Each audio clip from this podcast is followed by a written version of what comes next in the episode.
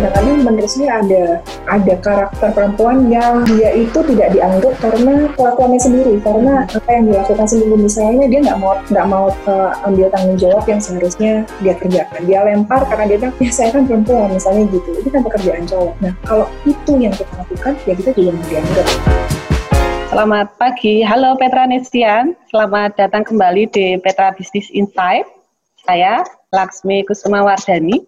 Hari ini kita ditemani oleh narasumber kita, Kesia Karin. Beliau adalah salah satu desainer interior muda Indonesia yang cukup dikenal luas karena karya-karyanya yang amazing, gitu ya. Kesia Karin ini adalah lulusan program studi desain interior Universitas Kristen Petra.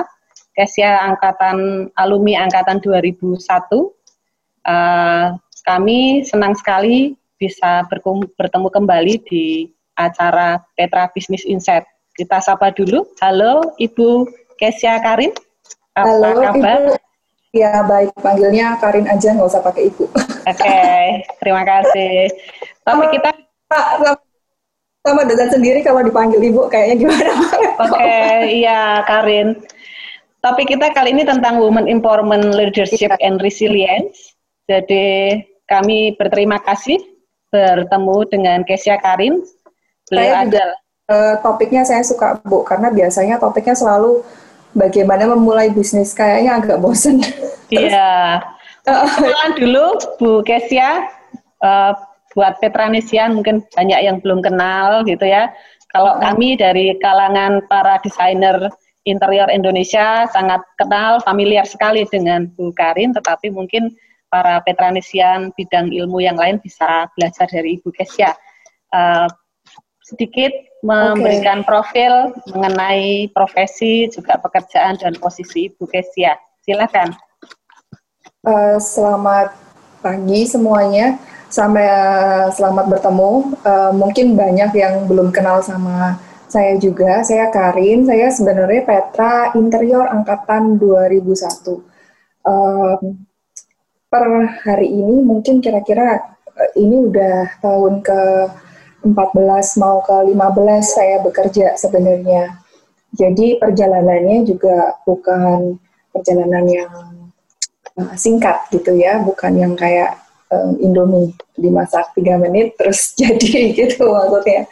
Uh, um, jadi 14 mungkin 12 tahun yang lalu um, saya memulai Keja Karin Studio gitu benar-benar mulai dari nol dan itu saya rasa mungkin kita bahas di sesi yang lainnya aja ceritanya gimana.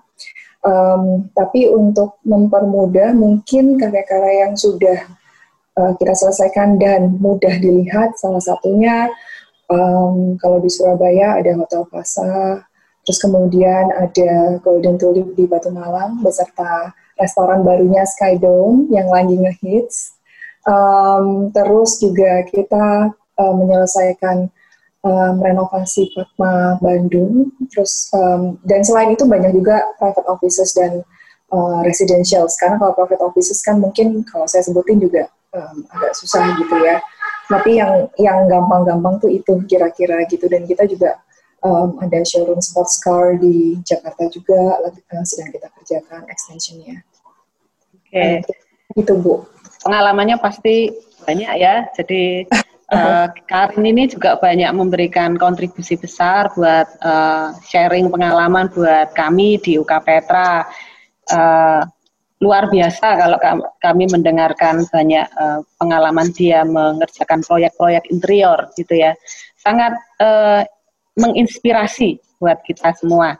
Kesia, boleh nggak kita tahu sedikit mengenai kenapa ya uh, Kesia uh, berminat di bidang desain interior. Mungkin ada perjalanan yang membuat uh, apa sesuatu yang menarik minat passion Kesia di sana. Sehingga kok perlu ditekuni kemudian menjadikan itu sebagai modal buat kamu bekerja hingga sekarang. Ada sesuatu yang menarik di, di apanya gitu dari bidang interior ini? Uh, jadi gini um, orang tua saya dua-duanya uh, papa mama saya dua-duanya arsitek. Mereka lulusan UGM walaupun tidak berpraktek se sebagai arsitek karena lebih ke kontraktor dan kemudian kontraktor interior. Um, tetapi buku-bukunya dan teman-temannya, jadi teman-temannya bapak saya termasuk yang namanya Pak Eko Prawoto itu um, gimana ya? Itu influence-nya besar buat saya. Jadi dari pertama kali saya tuh ngeh gitu ya soal space itu adalah waktu ngobrol sama Pak Eko. Hmm. Um, dan ceritanya juga lumayan simple yang dibilang sama Pak Eko. Kamu kalau mendefinisikan space itu gimana? Ya saya juga bingung waktu itu saya juga kuliah aja baru awal-awal terus um, apa namanya masih nggak dong apa-apa gitu ya masih belum jelas gitu terus dia bilang gampangannya space tuh kayak gini coba kamu bayangin kenapa orang kalau jualan di pinggir jalan itu kebanyakan dekat tiang listrik sama dekat pohon dia bilang gitu hmm. karena ternyata ya setelah dielaborate gitu ya ceritanya ya karena tiang listrik dan pohon ini memberikan space padahal hanya satu batang begitu aja gitu kan dari situ tuh saya dari situ dan dari pengalaman-pengalaman sebelumnya dari buku-bukunya orang tua saya juga sebenarnya saya memang melihat um, bahwa interior ini adalah sesuatu yang kalau diolah sebenarnya unlimited gitu. Maksud saya possibilities-nya itu unlimited. Uh, tergantung kepada kitanya. Sebagai desainer sebagai yang mengolah itu mau dibawa ke mana. Maksudnya secara space, secara bahan, secara konsep, secara fungsi. Kalau fungsi memang kita harus penuhin gitu ya, tapi yang lainnya di luar dari fungsi, bentuk, uh, keindahan, konsep, cerita, hmm. ambience, experience gitu yang yang kita bisa ciptakan itu menurut saya unlimited, nggak nggak nggak terbatas sama sekali. hmm Kemudian yang kedua mungkin memang dari kecil saya ini beruntung orang tua saya itu adalah orang tua yang membebaskan anak-anaknya untuk uh, apa ya mencoba banyak hal. Jadi nggak uh, bukan tipe orang tua yang eh jangan ini nanti gini, eh jangan ini tapi nanti gini gitu ya. Kan ada yang model orang tua seperti itu. Kalau orang tua saya lebih kayak kamu pengen coba apa? Dan beberapa malah didorong-dorong. Misalnya um, saya ikut sanggar menggambar sejak saya mungkin TK walaupun saya nggak pernah menang bu. Jadi ini juga hmm. satu pembelajaran yang buat saya ternyata penting hari ini gitu. Tapi ini itu ada waktu adalah waktu di saya kecil. Jadi ibu bayangin ya, saya tuh suka gambar, tapi gambar saya itu tidak bagus, biasa aja. Maksudnya oke okay lah di atas rata-rata karena saya memang suka gambar dan bisa gambar dan belajar gambar. Tapi uh, kalau kompetisi itu nggak pernah menang bu kompetisi itu kompetisi itu saya kalah terus. Jadi saya tuh paling banter itu kayak harapan lah, hiburan lah gitu. Pokoknya yang dapatnya tuh yang belakang-belakang. Ya maju dapat dapat dapat hadiah gitu tapi hiburan hiburan, harapan, harapan satu dua tiga itu nggak pernah dapat. Yang dapat uh, teman-teman saya yang lainnya gitu yang juga ikut sanggar. Tapi hmm. saya ikut um, ikut apa namanya kompetisi ini dulu ceritanya mama saya ya karena saya juga nggak nggak ingat persis gitu, tapi menurut ibu saya itu saya ikut hampir dua minggu sekali selama bertahun-tahun, walaupun kalah terus gitu. Jadi yang tapi dikejar tetap, tetap punya semangat ikut. tinggi ya, ya. betul. Igola itu menariknya di sana. Jadi mudah patah semangat ya. Uh, uh, apa namanya jadi curiosity itu menurut saya penting jadi waktu itu saya curious gitu kenapa teman saya bisa menang kok saya enggak ya mm-hmm. walaupun sampai akhir saya juga nggak pernah menang tetap aja saya kalah gitu sampai akhir terus juga saya pernah uh, didorong orang tua ikut klub berenang misalnya jadi saya memang kayaknya kompetitif dari kecil uh, sama mm-hmm. orang tua orang tua tahu sehingga didorong terus untuk berbagai macam hal saya pernah les balet sebentar, pernah mm-hmm. di SMP ngukir, pernah uh, pokoknya pernah ikut les-les yang enggak-enggak. Kenal internal gitu ya, ada kompetisi, uh, ada sport, ada seni, ada motivasi yang menggerakkan Karin, kemudian akhirnya bisa menemukan passionnya, ternyata bidang seni dan desain nah, itu memang menarik saya buat... saya suka desain karena waktu itu orang tua bilang, papa saya bilang, kamu kenapa nggak masuk jadi arsitek aja, nilai kamu kan bagus, kebetulan nilai SMA saya bagus gitu Um, terus saya bilang, saya udah lihat tuh ngikutin papa saya waktu saya kecil, papa saya ngecor, ngecor bangunan. Panas, Bu. Terus yeah. kayak di luar berdebu gitu kan. Saya bilang, nggak mau, Pak. Saya nggak mau kalau panas-panas gitu. Jadi saya bilang saya di interior aja karena saya pikir kalau di interior kan pasti bangunannya udah jadi ternyata sih nggak juga sih sebenarnya Jadi ternyata Karin ini terbuka wawasannya karena ada juga dari orang tua, keluarga, tapi juga ada dari arsitek gitu ya. Jadi iya. yang menginspirasi itu ternyata tidak cuma dari ide pribadi, tetapi juga beberapa yang ada di sekitar Karin itu mendukung Karin untuk menjadi seorang desainer. Kira-kira Karin setelah sekian perjalanan proses hmm. Karin berkarya, uh, apa sih akhirnya bisa menemukan filosofi yang mendasar gitu ya? yang bisa Karin bisa bagikan ke Petranisian yang menginspirasi Karin untuk bisa jadi kekuatan mendesain itu harus bagaimana sih? Harus apa yang diperkuat? Nah, ya.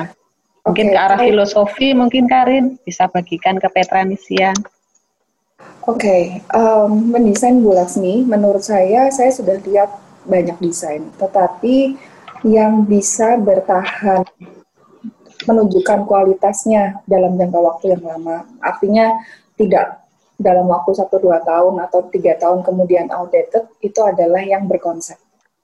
Jadi um, pendekatan yang hanya mementingkan look, cuman asal bagus, asal cakep, um, itu menurut saya seperti ya seperti orang kalau di make up aja, ya cakep kalau pakai make up, kalau udah nggak pakai make up ya nanti kelihatan aslinya gitu. Bisa jadi tetap cakep. Kebanyakan tidak lebih cakep daripada setelah di make up. Jadi uh, konsep itu seperti menurut saya seperti kalau muka gitu ya bone structure-nya gitu. Kalau bone structure-nya bagus mau sudah tua umur 50 ya tetap cantik gitu. Cantiknya ya cantik umur 50 gitu ya, bukan cantik umur 25. Um, menurut saya konsep itu seperti itu di dalam intrinsik. Itu yang harusnya menggerakkan desainer untuk memulai desain dari mana. Dan konsep itu bukan menurut saya konsep itu bukan cozy bukan bumi bukan itu ambience. Itu ambience yang mau dicapai atau experience yang mungkin mau dicapai tetapi konsep itu lebih kepada uh, soul di dalamnya. Desain ini bermulanya dari apa? Mau bikin apa? Apa yang mau dicapai? Mm -hmm. terus kemudian um, ingredientsnya dapatnya dari mana ya? Dari konsep. Ingredientsnya nggak bisa kalau cari di Pinterest atau uh, cari di buku atau uh, nyontek punya orang lain apalagi gitu ya nggak bisa nggak bisa. Jadi kita sebenarnya itu di dalam mau bikin apa? Itu yang akan membuat desain dari awal kalau misalnya kita mendesain project besar ya misalnya hotel kalau hotel itu kan ruangannya puluhan bu jadi yeah. Ya. uh, bisa aja kalau kita nggak ada konsepnya dari satu ruangan ke ruangan lain itu akan lari terus gitu loh konsepnya akan berbeda-beda sehingga tidak ada ke apa ya nggak ada kesatuannya. Um, kalau hanya look itu bisa terjadi seperti itu. Tapi kalau konsep perutnya dijaga, walaupun banyak variasinya, bentuknya bisa macam-macam. Jadi dengan konsep yang sama, bentukannya itu menurut saya bisa bervariasi. Looknya masih bisa bervariasi, tapi kalau konsepnya sama, akan terasa kesatuannya itu di dalam itu dia sebenarnya lebih di kalau perempuan tuh inner beauty gitu ya. Nah, cantiknya di dalam bukan karena make up yang satu lagi kalau hanya bentuk itu cantiknya karena polesan gitu maksudnya. Jadi saran saya itu untuk bisa belajar mengenai um, konsep ini lebih dalam nguliknya lebih dalam gitu. Kalau bisa kalau nyampe kalau suka kalau bisa mungkin bisa belajar lebih ke arah filosofis juga gitu filosofis gitu gitu ya jadi ya lebih menarik gitu karena interiornya menurut saya begitu meleset sedikit jadinya dekorasi. Iya gitu. betul. Iya jadi itu tuh menghilang bobotnya yang harusnya kualitasnya yang harusnya segini itu jadi tinggal segini gitu kalau menurut saya ya. Jadi tinggal dekorasi karena dekorasi itu menurut saya ya kalau sekolah empat tahun terus kemudian hasilnya mendekorasi dibilang salah ya nggak salah namanya orang kan jalannya beda-beda gitu ya. Hmm. Tetapi kita bicara dari sisi interior designer yang benar-benar interior designer. Sayang, karena kenapa? Eh, kalau cuma mau belajar dekorasi, belajar dari buku dan majalah, ibu rumah tangga yang nggak hmm. sekolah interior ataupun orang-orang misalnya sekolahnya misalnya bisnis atau misalnya sekolah sastra atau sekolah apa deh yang belajar dekorasi sebentar tiga bulan juga jauh jalan-jalan melihat luar negeri, uh, pengalaman melihat keluarnya banyak. Yang lebih jago dari dari anak-anak sekolah empat tahun tapi nggak ke mana-mana gitu. Kalau kalau end, end resultnya adalah dekorasi. Nah memang um, again menurut saya tidak pernah salah kalau akhirnya orang itu memilih jalur itu. Tetapi yang kita bahas sekarang ini kan interior di sisi interiornya gitu ya yang berkonsep yang ada sisi teknikalnya. Desain itu adalah applied art, tidak pernah um, berat ke sisi art terlalu jauh, tidak pernah lebih berat ke sisi teknikal terlalu jauh. Desainer harus menguasai dua-duanya. Memang harus otak kiri dan kanan berjalan bersama. Dalam satu waktu yang sama, desainer harus bisa berpikir secara konseptual, makro, tetapi hmm. harus juga bisa langsung kepikir mikronya. Hmm, betul. detailnya, materialnya, itu mikro. Terus kemudian globalnya yang besar adalah ya ini konsep ini ceritanya mau dibawa ke mana keseluruhan. Jadi nggak bisa nih cuma makro doang ide ide ide ide ide ide hmm. uh, implementasi nggak bisa, technical nggak ngerti, gambar kerja hmm. tidak bisa, uh, menjelaskan join join uh, nggak ngerti juga gitu yeah, material. Uh, pengolahan material itu itu aja nggak bisa. Jadi memang harus di dua dua sisi ini menurut saya kalau mau bagus jalan bareng-bareng dipikirin langsung bersamaan nggak bisa kayak udah deh ini dulu atau detail terus kalau detail terus akhirnya konsepnya lari mm-hmm. jadi kan ngulik detail terus bu. Yang ruangan ini yeah, detailnya mau ini gini gini gini gini. Nah nanti di depan pertamanya modern di belakang bisa jadi agak berbau-bau transisional atau Amerika. Yeah. detailnya. Yeah. nah itu itu sesuatu yang menurut saya sebenarnya um, sangat menarik gitu. Karena kemudian exercise waktu saya baca buku misalnya atau waktu saya belajar lebih dalam, saya berusaha untuk belajar di dua sisi itu. Maksud saya nggak melulu misalnya saya belajar melihat punya buku interior, tetapi juga belajar teknikal. Terus kemudian um, sisi logik gini ya, jadi interior designer itu menurut saya juga harus sangat logis. Mm-hmm. Nggak bisa kalau nggak jalan. Karena uh, desain face itu harus um, gimana ya? Jangan lompat-lompat desain face gitu. Kalau desain tas lompat untuk proyek rumah tinggal nggak apa-apa. Proyek-proyek kecil di bawah mungkin 50 meter persegi mungkin nggak apa-apa. Tapi kita juga nggak pernah melakukan gitu. Nggak apa-apa tuh maksudnya mungkin ada yang bisa bisa selesai gitu ya. Nggak menutup kemungkinan. Kita kan nggak bisa bilang nggak juga gitu. Buktinya ada yang bisa. Tetapi uh, untuk proyek kita ngomongin proyek yang skalanya lebih besar um, face-nya itu harus jelas. Cara berpikirnya harus runtut gitu mulai dari pengumpulan data. Jadi kalau ada orang yang nanya oke okay, ini sebenarnya yang dilakukan apa? Mau tahu yang dilakukan persis sama zaman kuliah. Nggak ada yang gini jadi awal kita uh, collect data gitu ya. Collect data itu bisa macam-macam. Mulai dari um, yang yang saya lakukan paling banyak sebenarnya adalah survei dan ngobrol sama klien. Uh, untuk mencari sumber gagasan gitu ya, ya Betul, uh. karena bagaimanapun klien ini bilang dia nggak ngerti maunya apa, selalu hmm. ada clue-nya. Jadi hmm. ada satu hal yang saya juga pelajarin bahwa desain ini sebenarnya ilmu manusia. Maksudnya Betul. kita juga harus sangat bisa mendengarkan orang. Karena hmm. orang itu ada yang bisa ngomongnya eksplisit, saya maunya ruangannya A, B, C, D, E, hmm. atau bahkan udah ada seleranya. Dia kebetulan orang yang melek desain gitu ya, Bu ya, bahasanya Betul. ya sangat ngerti desain sehingga dia udah bisa ngom bahasanya udah tinggi ada ando gitu yeah. ngomongnya udah ya kan ngomongnya udah di sana di sana udah yeah. udah mulai gitu kali Andrevo dia pasti uh, yeah. karena dia mungkin suka suka jalan-jalan luar negeri dan kemudian kalau tinggal di hotel bagus dia cek ini desainernya siapa hmm. arsiteknya siapa bisa jadi begitu kan memang dia di situ cuman bekerjanya tidak sebagai interior designer atau arsitek nah tapi banyak orang yang misalnya um, misalnya kerjanya mining gitu, bisnisnya mining. Ya dia kalau suruh menerjemahkan ruangan interior ya gitu-gitu aja bahasanya gitu kan. Uh -huh. Saya maunya yang buat entertain klien gini gini gini gini.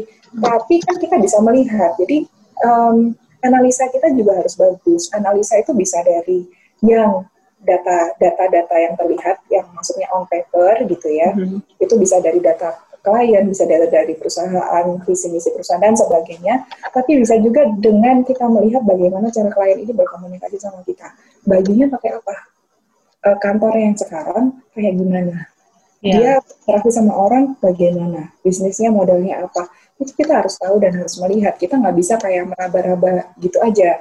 Setelah datanya terkumpul, kemudian kita buat konsepnya. Biasanya kalau datanya lengkap, konsepnya itu nggak akan lari jauh-jauh, jadi kita nggak akan sampai itu sangat jarang di proyek kita uh, revisinya adalah revisi konsep. Biasanya konsepnya udah benar, terus kemudian arahnya udah jelas, udah udah sesuai, bukan benar tapi sesuai. Sesuai dengan kebutuhan kliennya ya. Menjawab, menjawab kebutuhan, menjawab klien kebutuhan dan keinginannya klien. Hmm. Terus yang revisi adalah revisi minor lah. Jadi um, perubahan layout, gitu-gitu menurut saya itu sebenarnya minor karena itu bukan konsep. Uh, kemudian yang hal lain yang kita perlu belajarin itu adalah tidak ada gunanya dan tidak ada fungsinya bertengkar dengan klien. Itu harus kita pegang karena bagaimanapun mereka klien kita, kalau itu rumah nanti yang tinggal mereka, kalau mm -hmm. itu hotel nanti yang running mereka, yang rugi atau yang profit itu mereka. Kalau profit kita juga nggak dapat, kalau rugi kita juga nggak disuruh nanggung. Betul. desainernya malu. Kalau rugi yeah. desainernya ya kan.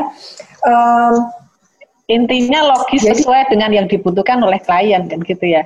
Betul, karena gini, um, ada saya termasuk mungkin desainer yang lumayan lebih ke arah pragmatis juga walaupun saya tapi juga lebih dalam ini kan lu kita buat tuh tapi kalau kliennya nggak suka nanya untuk dipaksain yang ada malah nanti proyeknya nggak selesai bertengkar jadi hmm. kita harus itu yang saya bilang ilmu manusia ya bu ya kita jadi harus ngerti gitu um, ini komunikasi arahnya ke mana si klien maunya arahnya ke mana mau ke mana itu biasanya kita tapi kemauannya klien saya ini nggak bagus. Ya tugas kamu sebagai desainer untuk mengemas kemauannya hmm. tetap ada, needs-nya tetap masuk, yang dia kepengen semuanya ada, tapi bentuknya bagus. Itu hmm. desainer. Kan udah saya bilang desain itu unlimited. Jadi tergantung yeah. mau mengolahnya caranya gimana. Tapi nggak bisa ideal. Yes, kita juga punya proyek banyak sekali yang nggak ideal. Dan kliennya happy, tapi proyeknya nggak ideal, isn't that the result hmm. yang kita mau gitu kalau kliennya happy? Ya kan? Nanti kliennya happy dan next temennya bikin proyek ideal why not? Gitu. Jadi uh, mindsetnya itu adalah mindset panjang gitu kalau saya bukan mindset pendek gitu ya. Kalau mindset pendek adalah satu kali hit kalau nggak sos kalau gitu kalau kita kadang-kadang ya. Hmm. jangka panjangnya karena klien kita banyak banyak yang repeat gitu bu mm-hmm. banyak yang repeat dan sebenarnya yeah. in interior business the best client adalah klien yang repeat repeat client okay. is the best so yes. Betul. Karin, proyeknya yeah. ini kan banyak uh, pekerjaan Karin ini banyak di bidang uh, penyelesaian terhadap permasalahan residensial, kemudian ada office, hmm. ada perhotelan, kemudian ada juga restoran nih. Uh, hmm. Pasti akan banyak proses yang dilewati selama mengerjakan proyek itu. Boleh nggak Karin bercerita sedikit mengenai tantangan apa saja yang dihadapi ketika menyelesaikan proyek-proyek itu? Jadi perjalanan karir Kesia hmm. ketika uh, melewati proses dari awal 2000 setelah lulus sampai kemudian sekarang menjadi profesional desainer yang terkenal begitu ya. Proyeknya banyak di luar dan di dalam negeri gitu. Pasti nggak gampang gitu ya. Pasti banyak tantangannya. Kesia bisa cerita ke kami tantangannya selama berproses di dalam pengerjaan uh, proyek-proyek itu apa yang bisa dibagikan ke kita. Silakan Kesia. Um, yang pertama gini Bu, um, bagaimanapun kita posisi sebagai wanita itu kalau di proyek gitu ya, di awal apalagi waktu masih muda kalau sekarang oke okay lah mungkin orang udah pernah dengar kita udah pernah dengar, uh, udah pernah lihat yang kita kerjakan. Jadi ada ada uh, credentials yang maksudnya cukup bagi mereka untuk buat mereka untuk percaya sama kita. Tetapi dulu di awal-awal, apalagi masih muda, kesulitannya adalah kita ini nggak punya portfolio. Tapi hmm. itu saya rasa dialamin oleh semua desainer baru gitu ya. Semua orang ngalamin nggak punya portfolio karena memang ya baru kerja setahun dua tahun portfolionya emang bisa berapa biji gitu kan. Punya punya portfolio satu kerja satu dua tahun tuh punya portfolio yang bisa difoto. Zaman saya ya kalau sekarang sih udah lebih maju saya rasa udah berbeda eranya. Tapi, tapi setahu saya Kesia waktu kuliah juga sudah banyak proyeknya. Jadi juga ada portfolionya. Ya, kuliah sih belum bu. Saya sebenarnya waktu kuliah malah belum kerja. Paling kalau gitu. kerja bantuin orang tua lah ya hmm. kerja tapi saya benar-benar baru mulai kerja setelah lulus. Hmm. Sebelumnya okay. saya nggak nggak punya proyek sama sekali sebenarnya. Hmm. Nah kalau zaman saya dulu adalah perempuan, mm-hmm. nggak punya project, nggak punya portfolio, mm-hmm. terus belum ada pengalaman, ya pasti seragam bu. Dalam artian susah dipercaya sama orang. Mm. Uh, banyak yang banyak banyak sekali ini salah satu sisi yang mungkin uh, nggak nggak enak gitu ya. Tapi memang bagian dari cerita itu adalah mereka mempertanyakan gitu kalau anak barusan lulus, lulusnya dari kata, apakah bisa dipercaya untuk menyelesaikan proyek karena pengalaman mereka ini banyak yang setelah dikasih proyek tapi kemudian bermasalah terus kemudian orangnya tidak bisa dihubungi lagi atau lari. Nah, stigma itu juga nempel sama saya waktu saya masih muda gitu ya. Terkena gitu walaupun saya kita of course nggak berniat lari tapi ya kan orang lain melakukan kita juga yang kena gitu kan. Nah, untuk supaya stigma itu hilang, ya yang bisa kita lakukan adalah kalau pas kita dapat project gitu kan ya kita dimarahin diomelin uh, ada masalah tetap datang ke project. Tetap ada gitu nggak menghilang. Bisa selesai sampai selesai. Karena project itu di tengah-tengah pengalaman saya banyak masalahnya yang menentukan pada akhirnya nanti hubungan kita dengan klien baik atau tidak itu adalah konsistensi kita sampai menyelesaikan project itu kalau kita bisa konsisten, walaupun ada masalah, akhirnya klien juga paham bahwa masalah ini bukan salahnya desainer. Ini project project interior tuh masalahnya banyak sekali, sehingga eh, apa ya? Kalau kita tidak hati-hati, bisa bisa saja terlihat sebagai kesalahannya konsultan, padahal bukan. Gitu. Nah, tugas kita adalah konsisten, ada datanya lengkap, meeting datang, diomelin ya kita jelasin sebisanya kita menjelaskan nggak lari gitu itu yang di awal jadi mental tuh menurut saya di awal sangat penting lebih dari portfolio karena portfolionya emang nggak ada nol portfolionya jadi mentalnya nggak tahan misalnya ya dimarahin terus besoknya ya kalau mau tahu dulu zaman saya muda habis dimarah di, saya dimarahin di lapangan pulang ya nangis sebenarnya, tapi nangisnya nggak di lapangan, nangisnya di rumah. nangis, padahal dulu nggak di rumah, di kos, kosan, kos kosan ya kan, nangis sendirian atau nangis di kos kosan. Mengalami nggak? Mengalami. Berpikiran nggak? Aduh gimana ya? Nggak mungkin bisa ini rasanya. Oh mengalami banget sampai bahkan tahun ketujuh saya masih bertanya-tanya ini kerjaan sebenarnya bakalan ada hasilnya apa enggak? Udah tahun ketujuh loh bu, bukan tahun ketiga, bukan tahun kedua. Tahun ketujuh saya masih tanya ini kerjaan ini sebenarnya gimana sih? Masih bisa dijalani apa enggak ya? Susah banget gitu. Apalagi uh, starting di Surabaya yang notabene kliennya uh, menurut saya setelah saya punya kantor di Jakarta jenis kliennya memang jenis klien yang uh, amazingly difficult di Surabaya uh, jadi kalau lulus di Surabaya clients kalau ke Jakarta tinggal dipoles-poles sedikit harusnya uh, lancar harusnya gitu ya. Um, terus kemudian makin lama makin lama kan ya kita makin ada project tapi tetap aja kita tuh kalau datang ke ke ke project tetap dianggap kayak anak kecil nggak bisa apa-apa. Jangan ke situ nanti jatuh loh kamu gitu gituin nah kayak ke lapangan mau nggak? Tapi debuan ya kayak aduh pak dia udah biasa ke lapangan udah sejak lima tahun yang lalu hidup hidupnya di lapangan gitu kan.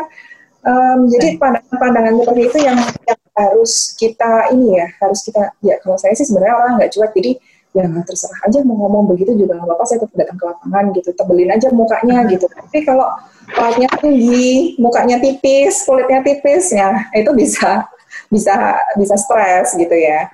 Nah terus making mistake nggak? Making mistakes. Um, saya bikin mistake banyak banget dan parah-parah mistake-nya. Jadi um, menurut saya yang membuat mistake itu jadinya supaya itu nggak jadi rugi itu adalah kita belajar dari situ. Jangan sampai kita bikin mistake, terus kemudian kita nggak belajar, terus kemudian doing the same thing, doing the same mistake lagi, salah yang hmm. sama lagi, masuk lubang yang sama lagi berkali-kali.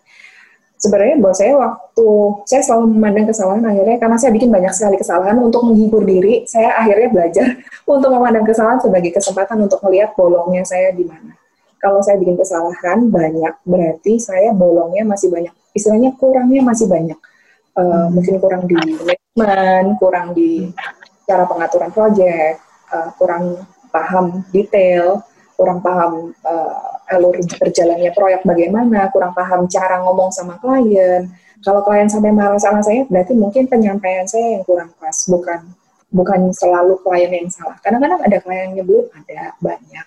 Tetapi uh, menurut saya ada banyak kali gitu ya, ada banyak kali bahwa klien ini sebenarnya kalau kita telatenin akhirnya dia nempel sama kita. Ada salah satu klien project hotel yang cukup besar waktu uh, dan sekarang proyeknya udah selesai gitu ya makan dia jadi akhirnya dia sekarang jadi klien yang repeat buat kita nah itu kejadiannya adalah pernah salah suatu waktu itu dalam proses uh, konstruksi tim kita mungkin komunikasinya tidak salah tapi kurang tepat cara komunikasinya sehingga kliennya uh, terimanya juga beda gitu dengan yang kita maksud jadi miskomunikasi telepon saya saya di omel-omelin, dimaki-maki, maksudnya maki-makinya bukan maki-maki yang kasar sekali, enggak, tapi di, dimarah-marahin gitu ya.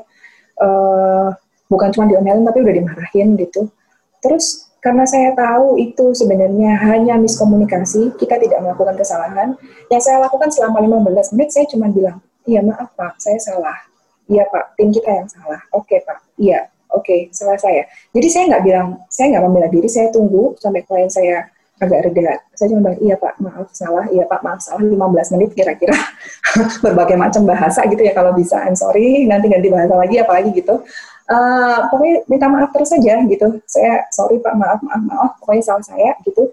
Setelah itu dia agak reda, baru kita mulai ngomong.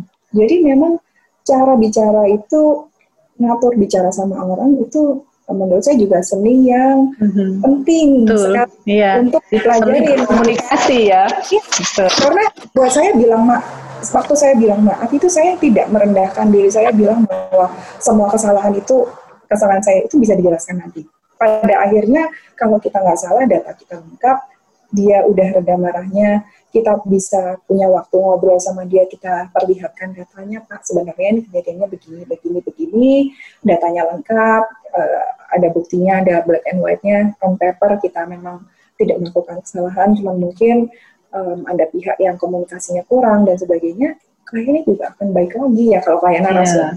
Saya tahu ada klien-klien yang juga cara berpikirnya kurang kurang rasional, tapi um, yang itu mari kita kesampingkan karena itu adalah bagaimanapun apa pun yang kita lakukan akan error hasilnya. Jadi tidak perlu. Hmm. Uh, Jadi kalau saya simpulkan berarti uh, apa namanya mau mengakui itu bukan berarti uh, kita mencoba untuk me mempelajari, menggali lebih jauh. Nah itu seni kreativitas berkomunikasi dan berkom, uh, mengapresiasi kebutuhan dan juga gagasan pemikiran. Jadi tadi yang disebutkan otak kanan dan otak kiri yang seimbang antara yeah. logika ke arah fungsi penyelesaian masalah, tapi juga ke arah kreativitas dan seni seperti itu. Nah, Karin, uh, tadi banyak juga mengungkapkan uh, belajar ya, belajar dengan membuka diri gitu ya. Jadi kalau uh, mentalitas seorang desainer gitu ya, apa yang bisa Karin bagikan misalnya, apa sih yang harus sebaiknya dimiliki oleh calon-calon desainer ini uh, supaya tahan banting ya kalau dikritik habis-habisan sama klien itu tetap punya semangat maju gitu ya tidak kemudian malah mundur tapi tapi tetap uh, kritik itu tetap memotivasi kita untuk uh, lebih baik lagi. Nah, kira-kira mental yang seperti apa yang sebaiknya dimiliki oleh seorang desainer gitu, Karin, supaya bisa Petranisian ini belajar dari Karin untuk menjadi desainer profesional itu harus punya mental yang seperti apa? Buat yang barusan lulus, berapapun IP kalian, anggap saja kalian itu memang bodoh, kayak saya. Kalau mau tahu IP saya berapa, tanya sama Bu Laksmi. saya nggak mau ngomongin, soalnya percuma buat saya sebenarnya. Jadi buat saya gini, angka IP di kuliahan, eh, berapapun pencapaiannya, mau kuliahnya di mana pun juga, saya udah ketemu sama orang yang kuliah di luar negeri dan beberapa teman-teman saya juga kuliahnya di luar negeri. Tetapi kalau kita barusan lulus, ada baiknya kita punya mental seorang pembelajar. Maksudnya gini, kita tahu bahwa yang kita tahu itu sangat sedikit dan sangat kurang. Terlalu banyak yang kita tidak tahu. Yang kita tidak tahu itu mungkin 99%, yang kita tahu 1% aja. ini hasil kuliah satu persen ini gitu. Ini tidak tidak menyalahkan perkuliahannya, tetapi menurut saya memang bekerja ya begitu. Jadi terlalu banyak hal yang misalnya, misalnya ya cara manage project misalnya, ya pasti kita nggak tahu lah bu. Kalau nggak pro, nggak nggak nggak pengalaman gimana caranya. Hmm. Cara menghandle orang, ya nggak pernah lah, mau belum pernah punya staff gitu ya, hmm. belum pernah punya subordinate di bawah kita atau sub vendor di bawah kita yang harus kita atur-atur padahal bukan company kita gitu. Bagaimana caranya mengendalikan mereka, gimana caranya kontrol, gimana caranya membuat mereka supaya bisa on time dan yang lain-lain. Um, itu adalah ilmu-ilmu yang menurut saya memang tidak bisa dipelajari pada saat kuliah gitu. Terus kemudian yang lebih yang berhubungan tapi juga menurut saya mungkin tidak bisa detail adalah tentang detailing interior, konsep, terus kemudian cara berkomunikasi. Cara berkomunikasi ini kan prakteknya di luar. Mungkin kita bisa dapat ilmu komunikasinya di kampus. Kalau misalnya ada mata kuliahnya, saya nggak tahu. Kalau zaman saya kan nggak ada bu ya ilmu komunikasi itu nggak ada. Kalau sekarang mungkin ada, itu juga masih kan teorinya. Pada saat prakteknya ini kan ujiannya pada saat kita sebagai desainer diomelin orang atau ada konflik. Konflik resolusinya gimana? Bisa nggak uh, resolusi konflik tanpa bertengkar? Bisa nggak resolusi konflik tanpa ngambek, tanpa mutung gitu, tanpa berhenti gitu kan, hmm. tanpa besok ganti nomor dan nggak bisa di nggak bisa dihubungi lagi gitu, menghilang gitu misalnya. Bisa nggak? Berani nggak? Punya punya kebesaran hati untuk menerima kemarin udah dimarah-marahin hari ini harus datang lagi nggak atau minggu depan harus datang lagi nggak misalnya gitu. Nah itu penting. Jadi um, dan juga penting bahwa mengerti sampai hari ini saya sebagai desainer selalu uh, put in mind bahwa ada hal yang klien tahu yang saya juga nggak tahu. Pasti ada gitu. Kebutuhannya dia itu dia yang tahu, bukan kita yang tahu. Jadi apakah kita uh, harus ngeyel gitu menurut saya? Ya enggak, akan lebih baik, lebih wise kalau kita dengerin dulu, terus kemudian kita rangkum, kita terjemahkan lagi gitu kan. Hmm. Jadi um, itu juga kita selalu belajar. Terus kemudian belajar dari konsultan lain. Jangan menang-menang karena kita konsultan interior gitu ya. Kita merasa semuanya ngerti. Sampai hari ini saya kalau meeting dengan lighting consultant yang namanya Pak Hadi Komara, itu saya selalu bilang sama tim saya, tim saya selalu saya ajak, saya ikutin. Terus kemudian saya bilang gimana tadi meetingnya? Kayak kuliah lighting 2 SKS kan? Saya bilang gitu. karena sampai hari ini saya masih belajar dan saya senang sekali kalau meeting dengan uh, Pak Hadi ini uh, kita udah long term relationship di pekerjaan sudah cukup lama sejak saya masih muda sekali. Jadi waktu saya masih baru mulai baru baru kerja dua tahun Pak Hadi ini udah terkenal. Jadi buat saya ya sangat menyenangkan hari ini saya bisa satu proyek lagi bukan satu proyek berproyek-proyek sama Pak Hadi gitu kan.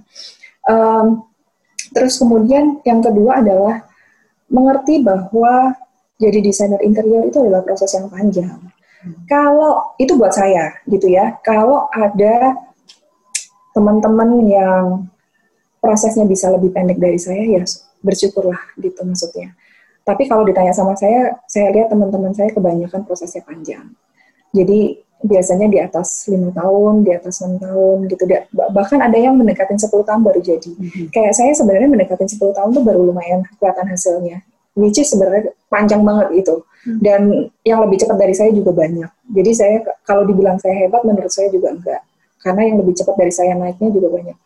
Um, tapi dari proses itu sebenarnya yang perlu kita hargain adalah proses itu kalau kita jalani dengan baik, itu akan membuat kita matang luar dalam jadi matangnya itu nggak cuma di luar, bukan cuma desainnya aja matang, tetapi cara pemikiran, uh, pengetahuan, terus kemudian karakter kita juga ikut matang. Sedangkan dan buat saya ini sangat menguntungkan. Kenapa? Karena kalau karakternya lebih matang, desainnya tuh otomatis hmm. jadi lebih bagus. Itu itu udah satu paket menurut saya. Hmm. Bahkan kita bisa melihat karakter orang dari pilihan-pilihan desainnya, cara mendesainnya, hasil desain itu kelihatan banget. Jadi kalau saya misalnya nih ada um, anak apply untuk masuk di studio kita misalnya gitu ya. Misalnya kita lagi buka um, apa namanya posisi untuk desainer misalnya. Nah itu dari bentukan desainnya bukan dia belum tes belum ngapa-ngapain cuman baru kirim portfolio aja kita bisa tahu anak ini tuh pengetahuannya sama gimana uh, karakternya kira-kira gimana dan sebagainya.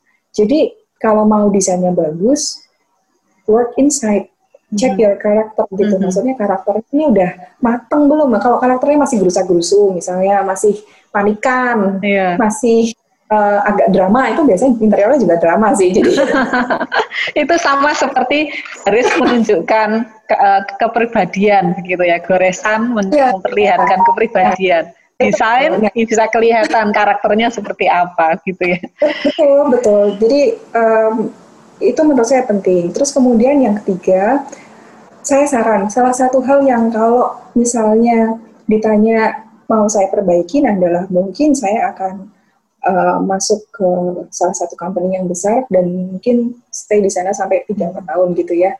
Karena ternyata perjalanan saya yang 10 tahun ini kenapa panjang banget? Ya karena nggak ngerti apa-apa dari nol. Hmm. Gimana manajemen zero, business zero, hmm. uh, managing people zero, komunikasi zero, gambar kerja zero, semuanya zero, ada yang minus lagi gitu kan. Jadi uh, belajarnya tuh kalau nabrak bu. Saya jadi uh-huh. um, ini cerita yang mentor-mentor saya tahu gitu ya. Semua orang tahu mentor saya sangat ngerti bahwa saya itu naiknya liftnya tinggi kalau habis nabrak. Jadi kalau saya habis nabrak, mereka cuma bilang, udah tenang aja, habis ini nanti naik ya, cepet ya, kayak kemarin ya. Gitu. Itu modalnya saya belajar kayak gitu, soal nabrak. Habis nabrak, parah gitu, agak masuk rumah sakit, nanti naiknya banyak gitu kan, naik kelasnya banyak gitu. Tapi itu kalau orang nggak tahan mentalnya, kan berhenti Bu.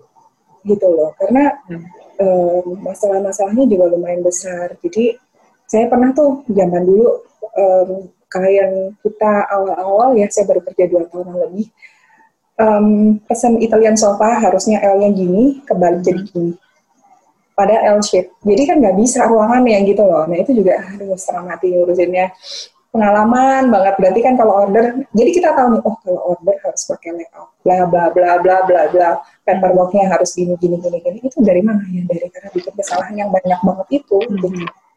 ya kalau, jadi desain itu jadi menarik, jadi bagus kualitasnya karena brainstorming juga, berangkat dari Betul. kesalahan juga gitu ya. Iya. Tapi karena karena ada tim yang bagus, saling berdiskusi, berdialog, kemudian mm-hmm. saling mendukung, jadi Bu Karin ini uh, akan naik lagi semangatnya ketika mendapatkan. Saya sebenarnya bersyukur waktu perjalanan saya itu ada mentor-mentor yang maksudnya uh, ngajarin mau ngajarin dan mau menenangkan saya kalau saya lagi pusing gitu maksudnya udah pusing nangis nangis bingung gimana ini udah mau berhenti aja apa gimana saya berkali-kali sebenarnya at least uh, dalam perjalanan karir saya tuh saya berpikir untuk berhenti dua kali bu. Jadi um, bukannya saya nggak kepikiran buat berhenti juga karena memang pekerjaannya itu susah menurut saya. Sampai hari ini saya nggak ber saya sampai hari ini tidak berpendapat bahwa bekerja interior itu adalah bekerja, jadi desainer interior adalah pilihan yang mudah. Menurut saya itu tetap bagaimanapun adalah pilihan yang uh, cukup berat gitu, terutama um, buat perempuan. Karena um, banyak tantangannya gitu ya. Jadi harus memang harus jadi tough karena urusannya pernah nih kita meeting ya satu ruangan uh, 30 orang perempuannya cuma dua misalnya gitu. Nah, itu dua pun itu saya dan tim saya. Jadi yang sisanya itu semua bapak-bapak dan lebih tua dari kita kebanyakan. Kalau knowledge-nya nggak cukup, kalau karakternya nggak cukup matang, ya kita nggak akan didengerin bu. Karena yang kita ngomong jadinya receh gitu kan. Hmm. Ya kita cuma akan eh, nggak ngomongnya nggak penting gitu lah maksudnya. Hmm. Tapi kalau kita ngomong based on experience, kita juga pemikirannya juga matang. Dan knowledge kita juga cukup gitu ya, cukup untuk ngomong. Jadi kalau kita ngomong tuh nggak ngawur gitu. Mm-hmm. Nah kita baru akan didengerin. Jadi kita sebenarnya sebagai perempuan harus membuktikan bahwa kita itu better daripada yang standar yang mereka pikirin. Kalau mereka standar mikirnya itu kita di sini, better kita ada di sini gitu. Jadi mm-hmm. waktu mereka ketemu mereka oh nggak ternyata oke okay nih gitu. Mm-hmm. Ternyata aman, bisa ini bisa kerja yang ini gitu. Jadi itu salah satu hal yang menurut saya penting. Terus kemudian juga tidak memposisikan diri lebih tinggi atau lebih rendah dari rekan-rekan kita. Maksudnya konsultan itu sejajar gitu ya.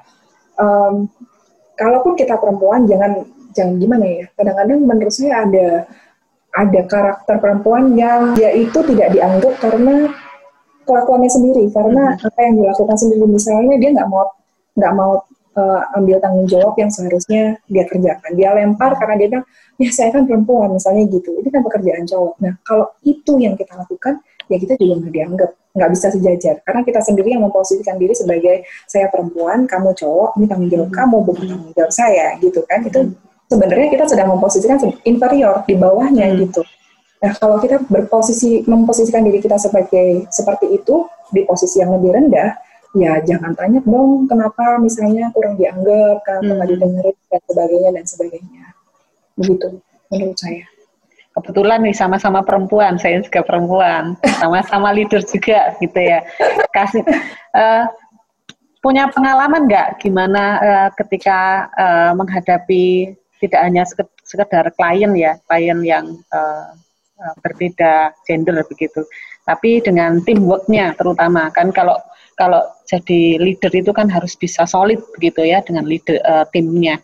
Nah, apa ada pengalaman khusus ketika menghadapi uh, lingkungan pekerjaan terutama ya tidak hanya dengan klien tapi dengan lingkungan pekerjaan Bukarin sendiri sebagai seorang perempuan bagaimana istilahnya kalau orang uh, perempuan tuh ngomong gitu ya peka, kemudian empati gitu kan kita memiliki karakter-karakter ke situ ya supaya timnya itu menjadi solid. Mungkin saya bisa cerita supaya lingkungan pekerjaan itu kondusif sehingga pekerjaan itu jadi bagus ya, jadi berjalan dengan baik, proyek juga lancar. Apa yang dilakukan Bu Kesia?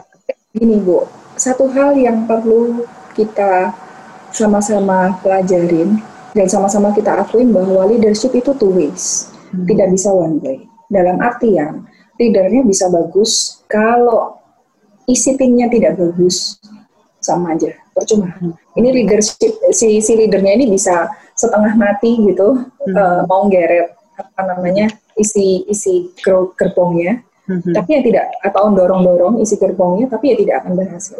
Jadi itu harus dua sisi. Memang itu itu adalah pentingnya kita memilih uh, siapa yang akan jadi tim kita. Itu penting. Mindsetnya tim kita gimana? Itu juga penting. Nah, tugasnya kita itu adalah milih gitu, Bu. Tugasnya kita mm-hmm. adalah pilih kombinasinya ini. Mm-hmm. Karena kalau kombinasinya nggak cocok, juga buyar, nanti bertengkar sendiri di dalam. Mm-hmm. Atau kalau kombinasinya terlalu lemah misalnya, juga diajak maju juga nggak bisa. Karena memang mindsetnya susah beda gitu. Mm-hmm. Dan kita udah belajar bahwa merubah mindset itu sangat sulit. Um, terutama karena ya misalnya um, ada tim yang sudah misalnya ma masuk di uh, tim kita misalnya umur 27 tahun atau 30 tahun. Nah, kebetulan mindsetnya kurang cocok misalnya. Tapi kita nggak bisa rubah dalam waktu cepat, at least satu mm -hmm. tahun nggak, dua tahun nggak bisa mungkin. Mungkin lima tahun, tapi kalau lima tahun ya kuat-kuatan. Kitanya yang sebagai leadernya kuat atau enggak, dianya juga nanti keburu keluar atau mm -hmm. kuat gitu.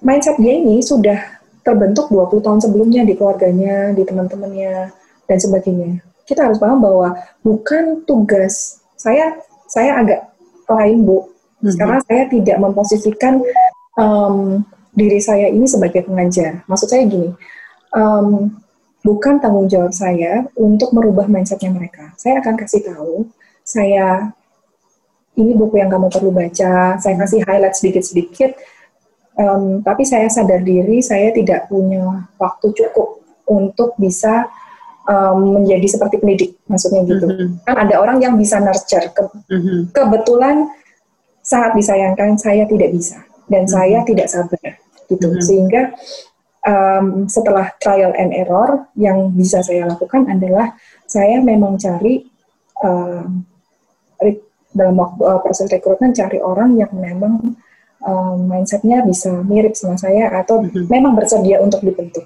gitu. Mm -hmm. Dari sisi leader kita sendiri juga harus memahami bahwa cara berkomunikasi dengan tim itu harus kalau dulu kan cara berkomunikasi antara leader ke tim itu kayak satu mood gitu aja ya. Mm -hmm. Nah, saya lihat sekarang dari satu orang ke orang yang lain itu kebutuhannya berbeda-beda. Mm -hmm. Saya bukan tipe leader yang menurut saya sangat karismatik, bukan. Mm -hmm. Tapi saya tipe leader yang saya tunjukin jalannya, terus saya liatin resultnya. Kamu hmm. belajar, gitu maksud saya. Saya bukan yang bisa menginfluence orang supaya ngikutin saya. Menurut saya, saya bukan yang tipe itu. Kalau saya tipe itu, saya jadi influencer aja, Bu. Follower saya banyak. Tapi saya ini sadar, saya ini desainer, sehingga hmm. saya biasanya kasih lihat mereka ini loh end resultnya begini. Saya tarik uh, pikirannya ke depan, resultnya maunya ini. Ingredientsnya apa nih yang kamu perlu ke belakang gitu kan? Jadi kalau hmm. misalnya, let's say kayak, kayak di Surabaya misalnya, kalau dari arah uh, misalnya arah barat, Pakuan Mall yang di barat, mau ke hmm. Galaxy Mall misalnya, lewatnya jalan mana? Kan udah tahu nih tujuannya mau ke Galaxy Mall. Kalau udah tahu jalannya mau galaksimu tinggal di breakdown lewatnya mana. Sehingga hmm. apa? Ini membuat uh, mindset yang lebih baik. Kenapa? Karena misalnya ada salah satu jalan yang ditutup kita nggak berhenti. Kita akan cari jalan lain karena kita tahu tujuannya mau ke mana itu yang saya lakukan. Berat, uh, butuh creative thinking gitu ya.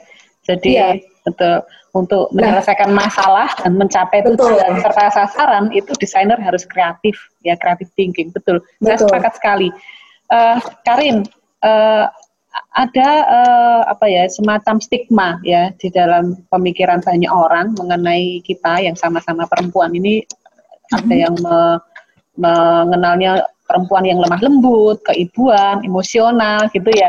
Nah, itu gimana cara merubah mindset gitu ya? Kan banyak sekarang ya tokoh-tokoh hebat gitu ya di Indonesia kan ada Sri Mulyani yang luar biasa gagasan pemikirannya kemudian Bu Susi, Bu Susi. Susi ya saya termotivasi dengan Bu Susi yang begitu sangat sterek gitu ya pemikirannya hmm. luar biasa dan tegas hmm. gitu ya di dalam uh, memiliki uh, prinsip-prinsip uh, yang jelas untuk mencapai sasaran dan tujuan gitu gimana Karin sebagai seorang uh, perempuan desainer muda yang punya leadership dan karakteristik yang buat saya sih ya sebagai Karin uh, secara pribadi itu luar biasa ya. Gagasannya juga amazing gitu ya ide-idenya brilian kemudian karyanya juga terima kasih loh Bu. Ini dosennya yang ngomong tuh bangga oh, saya bangga karena satu-satunya ketika waktu kerja profesi kamu uh, bersedia untuk di luar pakem gitu ya. yang lainnya ngambil tiga bulan, kamu kan satu semester gitu ya. Itu luar biasa Bu, buat saya. Itu sebenarnya ya, itu yang membuat saya salah satu, maksudnya gini, itu salah satu uh, pijakan yang membuat saya jadi ngerti bahwa saya ini kurangnya banyak. Itu adalah waktu kerja praktek itu enam bulan. Hmm. Kalau saya nggak sacrifice waktu enam bulan itu cuti, waktu itu ya, Mm-hmm. Uh, saya nggak akan melihat sebanyak yang saya lihat waktu itu sehingga saya punya bayangan ke depannya saya harus ngapain. Jadi buat saya itu bukan sama sekali bukan misalnya loss atau kerugian itu mm-hmm. benar-benar semuanya total profit semua. Nah, itu itu kan berarti satu sosok yang berani tantangan gitu ya, berani menerima tantangan gitu ya. Menurut saya gini ya, kalau kita mau maju, kita harus tahu kekurangannya kita itu apa. Hmm. Nggak bisa dong maju asal-asalan gak ada guru yeah. ke sana ini asal asal maju gitu ya maksudnya hmm. tinggi tapi nabrak terus gitu yeah. dulu sih yeah, tinggi nabrak terus betul, betul. Uh, jadi kita harus tahu kekurangannya kita apa um, yang bisa kita improve apa um, mengenai stigma itu tadi saya rasa gini ya bu saya kebetulan nenek saya ibu saya semuanya kerja Hmm. Um, jadi saya dari kecil memang tidak pernah berpendapat bahwa perempuan itu harus di rumah. Um, nenek saya kerjanya begitu, maksudnya untuk umurnya, untuk masanya, untuk eranya dia, menurut saya dia itu um, sangat keren gitu kerjanya. Hmm. Karena itu kan kalau zaman sekarang mungkin biasa, kalau zamannya hmm. dia menurut saya keren gitu. Karena zaman dulu kan nggak kayak zaman sekarang, apalagi itu zaman 30-an, 40-an, 50-an kan beda ya Bu sama yeah. sekarang uh, nenek buyut saya juga udah bekerja juga. Jadi um, saya nggak di, di keluarga saya saya nggak melihat bahwa perempuan itu untuk bisa berhasil dibilang sebagai um, misalnya istri yang baik atau orang tua yang baik seperti orang tua saya itu harus tinggal di rumah tidak bekerja full time urus Justru saya terinspirasi sama orang tua saya, mama saya juga yang punya anak tiga, bekerja, tapi anaknya nggak ada itu yang sekolahnya keteteran, nggak ada itu anaknya yang hidupnya berantakan atau kemudian kita saya sama adik asli saya merasa bahwa ibu saya nggak, mama saya nggak memperhatikan saya misalnya gitu. Enggak, saya tahu mama saya memperhatikan saya, saya tahu mama saya bekerja keras supaya saya bisa sekolah dan yang lain-lain untuk adik-adik saya juga. Jadi kita menghargai itu. Terus kemudian untuk stigma bahwa perempuan tuh harus lemah lembut keibuan, menurut saya ya nggak ada salahnya gitu kalau mau jadi lemah lembut dan keibuan. Yang jadi masalah adalah kalau nggak mau ngapa-ngapain. Hmm. Kalau maunya di rumah terus kemudian tidak berproduksi. Kalau di rumah bisa nggak produktif? Bisa, bisa sekali. Online shop misalnya, ya di rumah. Terus bisa jadi konsultan yang sekarang WFH semua. So kalau hmm. mau jadi konsultan hmm. yang bidang-bidangnya bisa dikerjakan hmm. di rumah misalnya, kenapa enggak gitu kan? Bisa. Terus kemudian ya yang lain Bu, yang sangat menurut saya sangat bisa tuh misalnya masuk ke pasar saham gitu. Hmm apa namanya itu juga sangat menguntungkan dan kalau yang berbakat pasti jadi gitu. Dan bisa dikerjakan di waktu luang. Terus kemudian bisa juga misalnya uh, punya bisnis yang bisa dikerjakan dari rumah. Itu banyak sekali. Mhm. makanan lah online shopping lah fashion dan yang lain-lain. Jadi menurut saya bukan masalah kalau lemah lembut dan keibuan menurut saya itu bawaan dalam artian lemah lembut bisa juga tetap berhasil keibuan tetap juga bisa berhasil. Um, lemah lembut bisa jadi tetap tegas, berwibawa, um, mm-hmm. punya knowledge bisa memimpin. Um, keibuan juga tetap bisa berwibawa, punya mhm. knowledge, mm-hmm. punya achievement, punya karir, punya uh, kehidupan apa namanya karir yang baik gitu ya. Jadi itu bukan sesuatu yang menurut saya bertentangan, mm-hmm. tapi itu adalah pilihan. Pilihan dalam artian karakter orang itu beda-beda. Misalnya um, saya bisa dibilang tidak apa ya lebih keras misalnya dibanding dengan teman-teman saya yang lain misalnya begitu um, menurut saya nggak ada masalah dengan itu saya tetap bisa tetap bisa maksudnya gini saya tetap bisa berumah tangga dengan baik saya tetap bisa bekerja dengan baik saya tetap bisa uh, beraktivitas dan punya achievement sama dengan teman-teman saya yang lain Um, terus kemudian yang lebih penting lagi adalah sebenarnya kita tahu di dalam kita ini ya apa, mau jadi apa. Mm-hmm. Itu jauh lebih penting dari semua omongan orang-orang di luar, menurut saya. Karena um, kebetulan ya Bu, saya kan memang menikahnya belum lama gitu ya. Jadi kalau saya menikahnya belum lama itu berarti untuk takaran orang-orang normal nikahnya telat banget gitu kan. Tapi buat saya itu bukan telat, buat saya adalah uh, pas gitu. Pas kenapa? Pas ya karena pas karir saya udah jadi, sehingga kalau saya menikah misalnya, kalau nanti misalnya saya mau punya uh, anak misalnya gitu ya, mm-hmm. ini udah ada manajemen yang bisa uh, membantu saya gitu ya maksudnya. Kalau hitungan saya adalah saya punya hitungan sendiri gitu. Jadi kalau misalnya di, di bayangan saya kalau saya nikahnya umur 28 misalnya, terus kemudian kerjaan saya belum jadi, terus saya keburu punya anak, nggak ada Jakarta Studio, bye bye. See you bye bye, nggak ada gitu kan. Terus um, yang kedua, misalnya uh, mengenai orang berkomentar tentang karakter kita. Nah, kalau itu saya selalu ngomong sama semua orang yang yang bertanya ke saya kenapa saya bisa cuek, saya selalu bilang karena orang Indonesia tuh suka komentar, senang banget komentarin orang. Mm-hmm. Um, baik yang kenal maupun yang nggak kenal, baik yang kamu tahu kehidupannya maupun yang kamu sama sekali nggak tahu kehidupannya, baik latar belakangnya, cara pemikirannya, tujuannya mau ke mana. Jadi kalau cuma orang ngomong nggak usah didengerin menurut saya. Hmm. Yang saya dengerin adalah orang-orang yang penting buat saya. Misalnya orang tua saya ngomong saya dengerin suami saya ngomong, saya dengerin. Keluarga saya ngomong, saya dengerin. Teman-teman deket saya, inner circle saya, kalau ngomongin saya, pasti saya dengerin. Mentor saya, baru ngomong sedikit aja, pasti saya dengerin. Tapi di luar itu, yang komennya kayak netizen gitu ya, mulutnya netizen kan jahat gitu ya. Uh-huh, yeah. Ya kan itu kan hobi banget tuh di Indonesia. Saya anggap itu sebagai um, ya angin lalu aja sebenarnya. Saya benar-benar nggak ambil hati uh, saya diomongin A, B, C, D, E, F, G itu udah kayaknya Bu kalau cuma diomongin kayaknya dari zaman kuliah saya juga diomongin orang ya. Tapi uh, ngomongin tuh maksud saya orang gosip maksud saya gitu ya. Ngomongin tuh bukannya bukan uh, bukan dari dosen ngomongin ke mahasiswa bukan. Ya, jadi yang orang positif ya kalau yang mungkin nggak ngerti kita mau nyapa jalannya mau nah karena jalan orang itu kan misalnya saya mau jadi desainer, jalan yang saya mau ambil kan belum tentu di pikiran saya sama sama seperti yang di pikirannya Bu Laksmi jalannya, mm, yeah. ya kan? Jadi kan misalnya saya ambil jalan ke kanan, Bu Laksmi bilang, eh kok kanan ya? Mm-hmm. Kok bisa lewat situ ya? Nanti nggak nyampe loh kan gitu. Bisa aja mm-hmm. jadi seperti itu. Jadi um, saya selalu ngomong orang kalau komentar tuh gratis, apalagi di Indonesia. Mm-hmm. Uh, jadi nggak perlu terlalu terusik uh, diambil hati sakit hati ataupun sampai kepikiran banget. Apalagi dilihat-lihat yang komentar hmm. siapa. Dilihat-lihat lagi komentarnya penting atau nggak penting. Hmm. Kalau nggak penting, ya udah belajar jadi teflon. Semuanya hmm. nggak hmm. nggak ada yang nempel gitu. Karin, kalau ya? komentar saya seperti ini, seperti yang kamu bilang tadi. Inilah Karin, cantik di dalam, bisa membaca diri sendiri istilahnya. Introspeksi diri ya. Karin ini punya kekuatan di mana sih?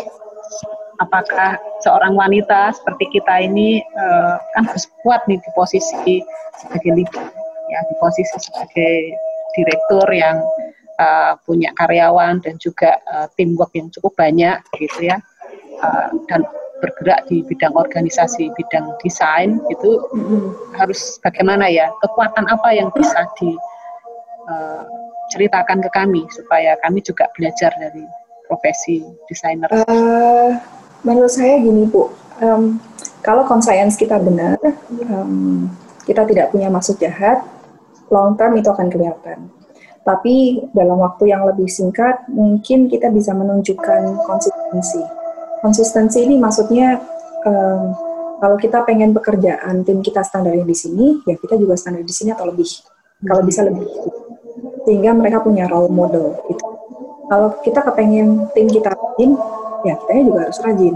Simpelnya kayak gitu hmm. menurut saya. Terus kemudian yang kedua, kita tunjukkan sama mereka bahwa metode yang kita pakai atau kita minta untuk mereka apply itu ada hasilnya, resultnya apa? Karena orang tuh orang sekarang tuh pengen lihat, lihat uh, result menurut saya gitu. Begitu lihat result, mereka tertarik mau belajar. Tapi kalau nggak ada resultnya, mereka bertanya-tanya terus gitu. Ini ngapain ya? Hmm. Misalnya gini di di di kantor kita desain itu paperworknya banyak. Jadi sampai kita punya divisi yang namanya project coordinator untuk ngurusin project dan paperworknya itu bahkan ada admin studio kita.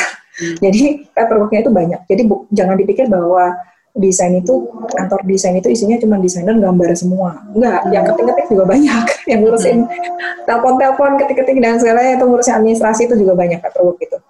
Nah, kan pasti banyak yang bertanya-tanya desainer juga pasti bertanya-tanya ngapain paperwork segini banyaknya. Tapi kalau sudah ada masalah, enaknya adalah kita tinggal kasih itu paperwork, nih paperworknya ini, masalahnya di mana, tinggal di trace. Dan kebanyakan masalahnya selesai di sana. Jadi kita nggak perlu berkar, kita nggak perlu salah-salahkan, nggak ada tuh cerita seingat saya, menurut saya, saya kira semua yang ambigu-ambigu itu nggak ada karena hmm. paperwork itu black and white gitu loh. Misalnya itu contoh salah satu contoh gitu ya. Uh, menurut saya hal-hal yang banyak pertanyaan dari orang itu adalah karena paperwork kita tuh uh, lumayan banyak gitu. Kenapa? Karena kan kamu kan desain, kok paperworknya hmm. terus gitu banyak buat apa? Ngerepotin. Desainer jadi repot, uh, adminnya jadi repot, ini jadi repot. Hmm. Enggak, enggak ngerepotin Begitu ada masalah, kita tunjukin cara nyelesainnya pakai paperwork, paperworknya tinggal dikirim, tunjukin ini, ini, ini, ini, selesai, mereka ngerti. Next mm-hmm. time, mereka akan buat paperwork dengan rajin. Kenapa? Karena mereka tahu, itu menyelamatkan hidupnya mereka kalau next ada masalah. Oh, Jadi, iya. maksud, saya, uh, maksud saya, itu adalah tunjukin hasilnya itu apa, fungsinya mm-hmm. buat apa. Kenapa kita perlu begitu? Ya, itu yang perlu kita jelaskan gitu. Menurut saya, itu yang, yang simple. Yang lainnya, ya menurut saya kalau karakter saya belajar karakter jadi leader itu macam-macam. Ada yang nurture ada yang populer ada yang suka bisa ngajarin ada juga yang lumayan apa namanya yang lumayan keras gitu ya. Mm-hmm. nah tiap orang beda-beda. Um, buat saya disesuaikan aja. Jadi um, tipe leadershipnya kita gimana sesuai sesuaikan mindset tim timnya mm-hmm. supaya bisa sesuai sama kita juga. Itu aja sih. Ya uh, Karin ada satu yang menarik nih ya uh, hmm. saya beberapa melihat ya Karin itu uh, memang unik gitu ya uh, custom gitu ya uh, sangat khas sekali dengan ciri-ciri desain Karin uh, ada yang pernah cerita mengenai kolaborasi gitu ya Karin ini uh, memang spesialis yang ke desain yang uh, khusus yang membutuhkan skill gitu ya. Tapi Karin juga pernah bercerita bahwa desainnya itu ada kolaborasi uh, dengan hmm, pengrajin, dengan para craftsman di hmm. lokal di, di yeah. Indonesia. Itu sebagai bagian dari Karin mengangkat para pengrajin lokal untuk bisa ber uh, karyanya itu bisa mengglobal gitu. Nah ini menurut saya menarik ya sebagai seorang desainer itu tidak hanya sekedar uh, idealis, uh, punya gagasan yang custom, tapi juga punya hati untuk menghargai uh, para seniman-seniman yang ada di Indonesia. Gimana Karin bisa bercerita bagaimana peran Karin mengangkat nilai budaya lokal ke global? Uh, yang pertama saya memang um, suka produk lokal karena menurut saya setelah saya lihat-lihat ke sana kemari produk lokal kita ini cuman kurang dihargai dan kurang exposure. Hmm. Kalau kualitas kita bisa samain atau kita kalau kurang kita bisa perbaiki. Terus kemudian dari segi desain, um, segi kualitas um, apa namanya bentuk gitu ya Bu ya, hmm. itu juga sangat mudah di, di, diperbaikin gitu ya, sangat mudah diarahkan kalau orang yang bersedia, kalau craftsman yang bersedia dan ada yang mau bimbing gitu ya. Mm-hmm. Terus kemudian um, yang ketiga juga menurut saya kita punya sumber daya manusia yang sangat banyak, mm-hmm. yang masih relatif lebih murah daripada di luar gitu maksud saya. Bukan yang paling murah mungkin, tapi uh, relatif lebih lebih terjangkau. Um, hal yang lain lagi adalah secara culture kita ini sangat diverse. Hmm. Jadi harusnya itu menjadi keuntungan, bukan um, hanya sekedar slogan-slogan gitu ya, bukan hanya sekedar uh, Bhinneka Tunggal Ika nonton di TV, terus kemudian hmm. kalau pacaran dan sebagainya gitu maksud saya. Um, saya sebenarnya sangat tergerak karena saya kalau saya kan di Jogja ya bu, uh, maksud hmm. saya saya uh, besar di Jogja. Um, jadi saya lihat seniman-seniman yang di Jogja yang art artnya dia uh, memang benar-benar pure art yang dari Jogja pelukis misalnya itu juga secara kualitas banyak yang sangat baik sangat bagus. Mm -hmm. Permasalahannya selalu di packaging, di branding, di komunikasi dan exposure. Terus kemudian QC penjagaan konsistensi kualitas itu juga memang terus terang bermasalah. Mm -hmm. Tetapi itu menurut saya bisa kita kerjakan pelan-pelan. Dalam artian bisa di, di, di, diperbaikin pelan-pelan. Kita sendiri juga, um, saya dan adik saya kebetulan kita um, ada brand furniture lokal yang memang pure semuanya lokal. Plus kita juga, um, saya sendiri juga lagi develop beberapa uh, produk uh, dengan pabrik-pabrik lokal gitu ya, yang yang lahir karena yang saya akhirnya bikin karena saya gatel gitu. Ini barang hmm. sebenarnya bisa bikin, kenapa sih di sini nggak ada bisa bikin gitu kan? Atau saya merasa bahwa ini importnya mahal banget, padahal di sini tuh bisa bikin. Kenapa sih orang nggak bikin? Misalnya gatel kayak gitu. Uh -huh.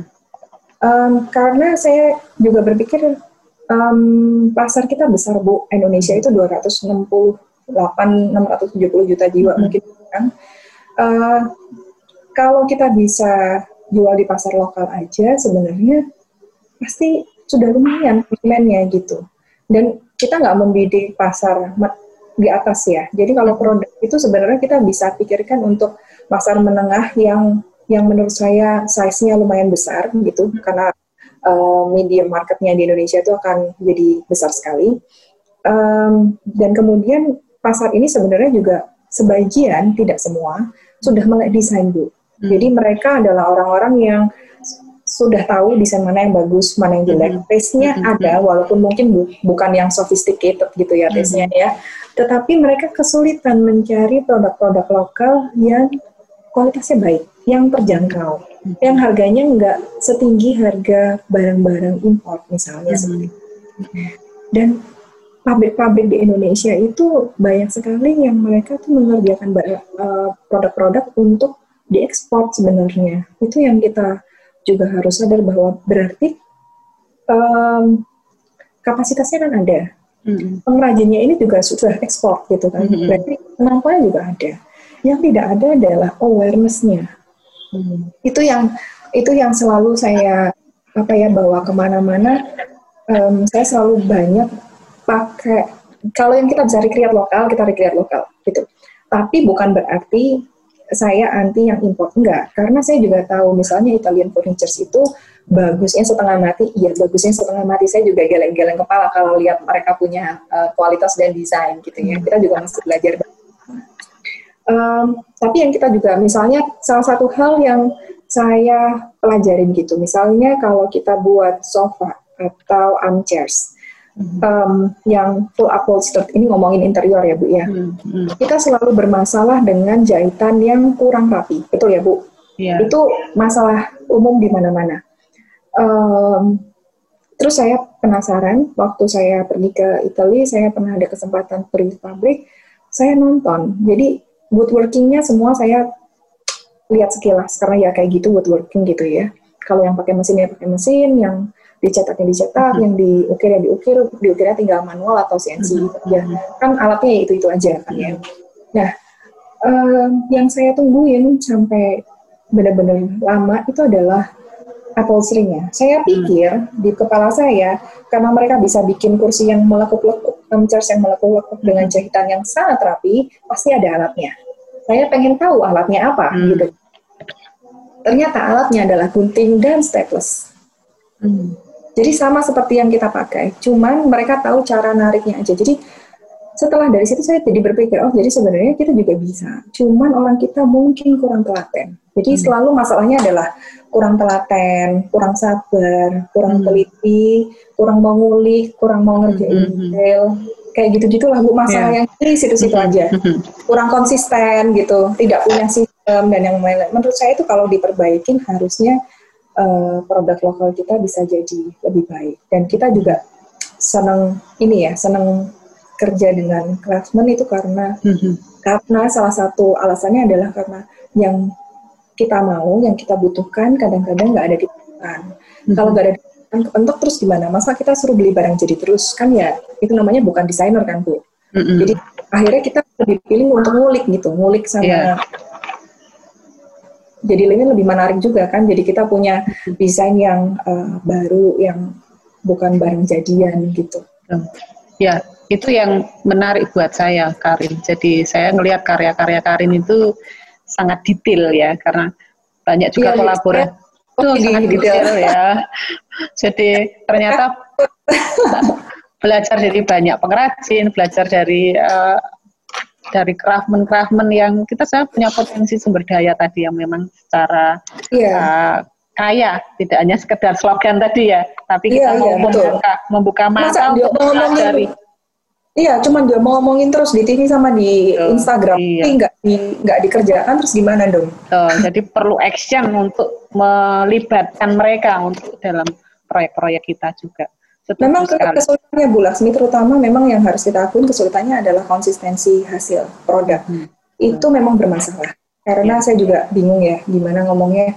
Mereka nih kalau produk nomor satu sampai produk nomor lima sama begitu nomor hmm. 20 sampai nomor 30 gitu bisa nanti geser-geser sedikit gitu. Iya. Oke, okay. Karin kalau kita bahas tidak akan pernah habisnya itu ya, karena memang desain seni dan desain itu uh, gagasannya itu tidak ada batasnya gitu ya. Yeah, Kreativitas yeah. itu nggak akan pernah habis. Kesia untuk terakhir nih ya sebelum kita hmm. Uh, menurut Kesia apa tantangan yang per, akan dihadapi oleh calon-calon para pemimpin wanita di Indonesia dan bagaimana mereka uh, menangani menangani uh, berbagai hal yang akan dihadapi itu? Jadi dari perspektif desainer interior, Karin, mungkin bisa terakhir sebelum kita tutup. Hmm, dari perspektif desainer interior perempuan atau desainer interior, Bu? Uh, desainer interior dari perspektif sebagai okay. desainer interior perempuan. Uh, menurut saya kita harus mengembangkan originalitas. Hmm. Uh, bukan cuman following the trend karena kalau hmm. cuman following the trend um, semua orang bisa ya udah itu itu aja lah hasilnya kira-kira gitu-gitu aja. Misalnya saya nggak mau, saya bukan anti, saya juga nggak menganggap itu sebagai negatif. Tapi si, contoh yang paling simpel, coffee shop. Sekarang coffee shop di mana pun bentuknya kayak gitu. Dindingnya putih, furniturnya modelnya gitu, desainnya begitu kira-kira. Um, apakah jelek? Enggak, enggak jelek. Tapi to be stand out, kalau mau jadi desainer dan mengerjakan proyek yang begitu-begitu aja ya nggak bisa. Hmm. Maksud saya gini, uh, hasil yang misalnya extraordinary itu ternyata membutuhkan uh, effort yang extraordinary. Itu berbanding lurus, nggak bisa kebalik gitu. Hmm. Kalau effortnya mau biasa aja, kalau hasilnya nanti jadinya biasa aja ya jangan jangan heran kenapa, hmm. jangan tanya kenapa. Gitu. Hmm. Um, desainer dari luar itu menurut setahu saya apalagi kalau di Jakarta itu sudah banyak yang masuk di Jakarta. Mereka expand ke Indonesia kenapa? Karena Indonesia adalah market yang sangat berkembang sehingga sangat menarik buat mereka hmm. untuk uh, masuk ke Indonesia. Tidak mereka buka office di Indonesia atau mereka punya representatif satu dua orang di Indonesia yang jadi marketing misalnya atau jadi representatif. Kita sebagai desainer lokal, menurut saya sama sekali nggak perlu takut. Karena um, kita ini ngerti kita yang tahu klien kita orang sama-sama orang lokal itu perlunya apa, sukanya apa, resources yang ada di Indonesia, yang ada di lokal itu apa, mereka bisa ngapain. Uh, terus kemudian untuk controlling the budget kita juga tahu, kita tahu semua resource-resource-nya gitu ya. Memang untuk jadi seperti itu ya kita sendiri juga harus tetap berkembang terus, belajar terus, memperbaharui pengetahuan terus, jangan sampai ketinggalan gitu kan jangan sampai merasa udah mampu, udah bisa, terus jadinya stuck gitu karena kita merasa oh kita udah sampai certain level yang menurut kita udah bagus atau udah tinggi atau udah berhasil atau uh, apa pun lah gitu maksudnya. Mm -hmm. Jadi kita juga harus terus berkembang. Um, selain itu kita juga harus fokus untuk memperbaiki manajemen. Biasanya um, kelebihan dari konsultan kalau mereka mereka adalah biro konsultan besar dari luar itu adalah mereka secara manajerial sudah bagus tertata rapi sistemnya bagus sekali itu juga bukan sesuatu yang tidak bisa dipelajari dan tidak bisa diachieve hmm. jadi um, kalau saya sekarang memang fokusnya itu bu jadi memperbaiki merapikan memperbaiki merapikan memperbaiki merapikan yeah. Iya. um, selain itu kita juga harus paham bahwa secara komunikasi kita akan harusnya lebih menang daripada mereka karena kita mm-hmm. ngomong di bahasa yang sama, kliennya juga sama, ideasnya kita bisa dapat. Yang kita perlu tunjukkan ke klien kita adalah bahwa dalam proses desain dan juga dalam hasil desainnya kita nggak kalah sama mereka. Proses mm-hmm. desain itu nggak kalah gimana maksudnya? Mm-hmm. Dan di prosesnya kita proses kita nggak berantakan. Kadang-kadang yang dilupakan desainer itu adalah prosesnya dianggap boleh berantakan asal hasilnya bagus Enggak, Bu. Ini kalau kliennya corporate, kalau prosesnya berantakan, mereka ngamuk. Nggak bisa. Hmm. Mereka berpikirnya runtut gitu. Jadi kita juga kerjanya harus runtut. Uh, manajemennya harus jelas, paperworknya harus jelas. Itu yang harus kita uh, uh, capai di situ juga. Hmm. Harus kita harus in the same level. Terus kemudian uh, gambar kerja dan yang lain-lain itu juga memang harus standar. Kalau kita bilang desain kita idenya tinggi sekali, tapi hmm. Cuman ngide terus ngomong terus gambarnya very limited nggak ada yang bisa mm-hmm. justify detail-detail kita yang mm-hmm. oh my god bagusnya itu yeah. gitu ya sama aja gitu nggak ada yang bisa lihat nggak ada yang bisa bikin kamu gimana mau kamu nungguin di lapangan 24 jam gambar di lapangan pak ini bukan okay. gini gitu Guys, ya ini uh, kalau dari perspektif desainer interior, kalau uh, sebagai seorang uh, wanita gitu ya, kekuatan seorang wanita itu uh, terletak kepada tidak hanya sekedar dari pemak, pemikiran, gagasan dan sebagai dan karakter ya, secara mentalitas hmm. gitu ya. Tapi kalau sebagai seorang wanita yang di posisi tinggi gitu ya, sebagai pemegang kekuasaan sebuah organisasi gitu ya secara umum gitu ya, tidak hanya desainer interior tapi secara umum, tantangan apa tantangan yang dihadapi oleh calon-calon pemimpin wanita di Indonesia kira-kira dan bagaimana cara menanganinya? Mungkin uh, Kisha bisa bisa membagikan supaya lebih luas cakupannya tidak dalam bidang disiplin interior saja? Um, sebagai pemimpin wanita, menurut gini Bu, saya ini orang yang berpandangan bahwa sebenarnya tidak ada bedanya antara pemimpin wanita dan pemimpin pria, gitu ya. Hmm. Saya saya sejak sejak muda tidak memandang itu sebagai ada disparity yang yang yang tinggi gitu maksudnya yang saya hmm. sampai perlu dibahas uh, terutama di Indonesia menurut hmm. saya um, despite of pandangan-pandangan orang yang menurut saya tidak perlu di tidak perlu diindahkan gitu ya, hmm. tidak perlu di, diurus. Sebenarnya kesempatan kita sebagai perempuan itu terbuka lebar karena uh, di sini kalau dibilang apa namanya um, dibeda-bedakan gitu, menurut saya kok juga nggak nggak terlalu sampai seperti itu ya bu. Ya hmm. mungkin ada, tapi nggak sampai gimana. Saya udah lihat banyak perempuan bisa jadi leader, bisa maju, bisa um, jadi pemimpin di company besar uh, dan juga bisa punya uh, apa ya pencapaian tinggi gitu. Tapi yang perlu kita tahu bahwa perempuan itu kekuatannya ada di intuisi dan juga kemampuan berkomunikasi. Terus kemudian juga satu lagi yang sangat penting adalah sebenarnya kita ini lebih kuat, lebih kuat tahan banting. Untuk jangka waktu yang panjang karena ya mungkin karena secara cultural udah biasa tidak terlalu dianggap gitu ya. Jadi kalau kita bisa race, udah bisa sampai jadi posisi pemimpin, biasanya udah udah teflon, udah tahan banting.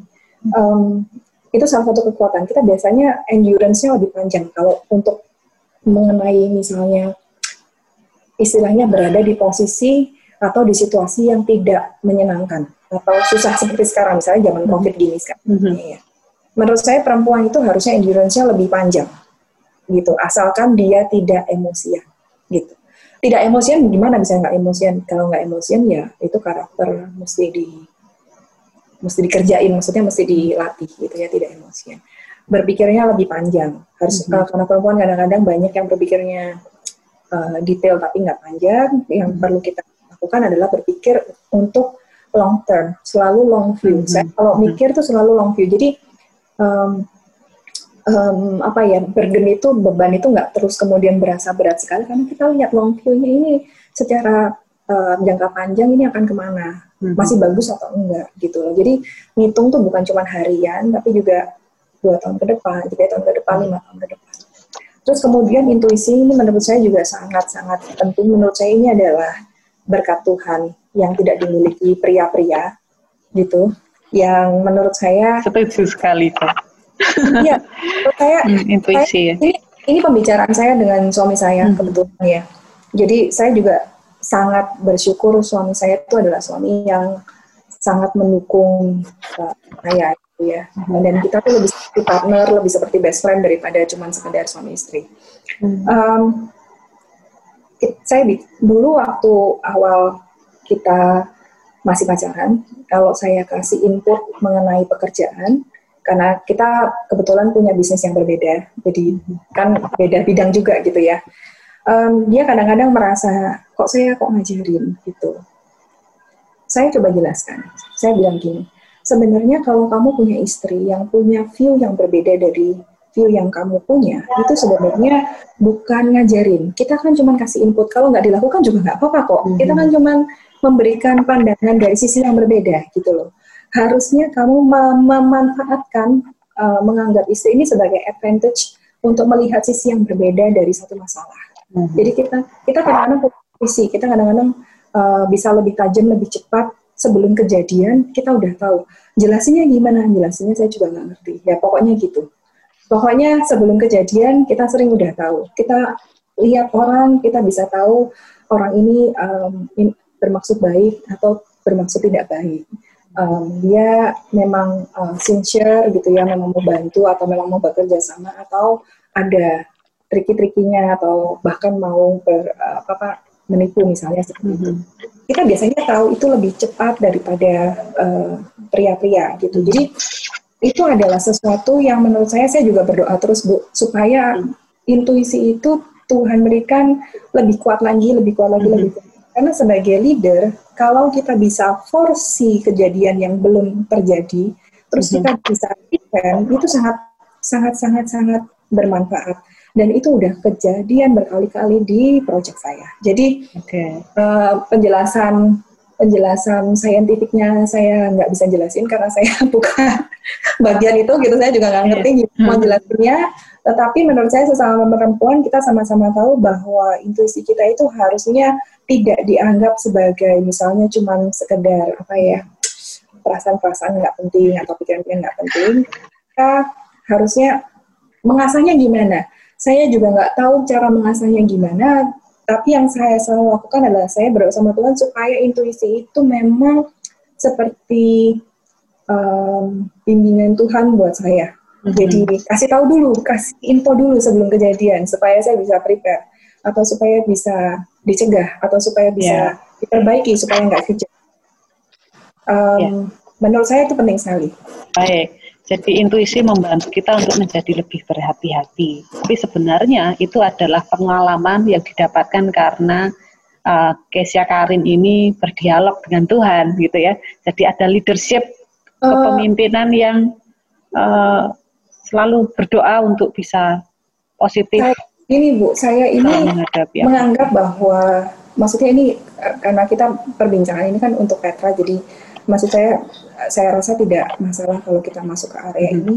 Um, saya selalu menganggap bahwa pekerjaan saya itu Tuhan kasih, karena saya mulai dari nol, nggak kenalan orang tua nggak ada. Mm-hmm.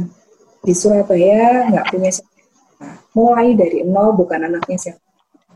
Jadi kalau sampai hari ini saya bisa di sini, menurut saya memang itu uh, batu pijakannya itu memang sudah Tuhan kasih sebelum mm-hmm. saya mulai gitu. Yeah. Udah udah. Jadi um, kalau misalnya ada masalah, ada yang saya nggak bisa pecahkan dan itu lumayan sering terjadi ya saya tinggal berdoa bos gimana bos besar ini saya di sini udah pusing. Gimana ini jalannya? Lewat ya kok kok susah gini?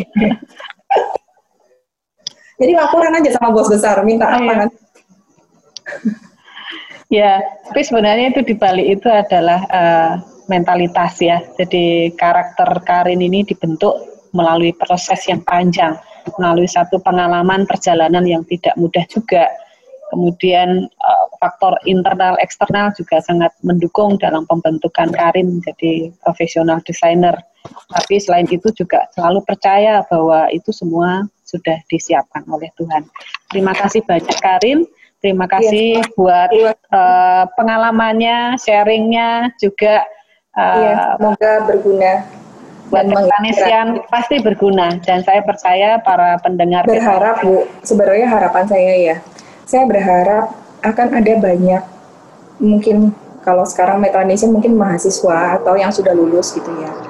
Wanita-wanita ini yang kemudian tumbuh menjadi sosok kuat. Maksudnya tidak gampang menyerah nggak gampang nggak manja gitu ya. Mm-hmm. itu saya sangat kepengen melihat itu karena saya lihat banyak orang yang oke okay, ada talentnya berkemampuan hmm. tapi sis kurang kuat gitu sedangkan hidup ini ya memang menurut saya tiap hari itu masalah gitu aja gampangnya hmm. kalau mau tidak bermasalah nggak bisa jadi jadi ya either kita mau jadi kuat terima masalah ya udah biasa aja dan masalah ya memang udah tiap hari begitu kita selesaikan satu-satu kepalanya dingin nggak pakai emosi hmm. ya atau kita nggak akan pernah berhasil jadi saya sebenarnya merindukan melihat ini perempuan-perempuan yang bisa maju, yang bisa uh, naik jadi pemimpin dan bisa menunjukkan bahwa wanita itu um, bisa bisa berhasil gitu ya tanpa tanpa jadi yang aneh, tanpa jadi orang yang gimana gitu ya biasa tapi juga bisa gitu loh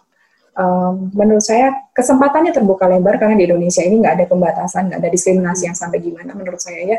Kalaupun ada ya tidak perlu dibahas sampai berlalu-lalu karena tidak parah menurut saya. Mm-hmm. Um, itu tergantung bagaimana sekali lagi menurut saya tergantung bagaimana kita memposisikan diri kita di masyarakat, di kantor, uh, di pekerjaan, di proyek dengan klien dan sebagainya. Baik. Terima kasih banyak untuk Sama-sama. yang terakhir tadi sangat berkesan sekali. Thank you Karin. Sama-sama, Semoga apa yang dikerjakan Karin sekarang sampai ke depan bermanfaat buat banyak orang dan iya, selamat. Semoga. Iya, selamat. Iya, selamat uh, siang. Selamat siang semuanya dan sampai ketemu di sampai Peta Business Insight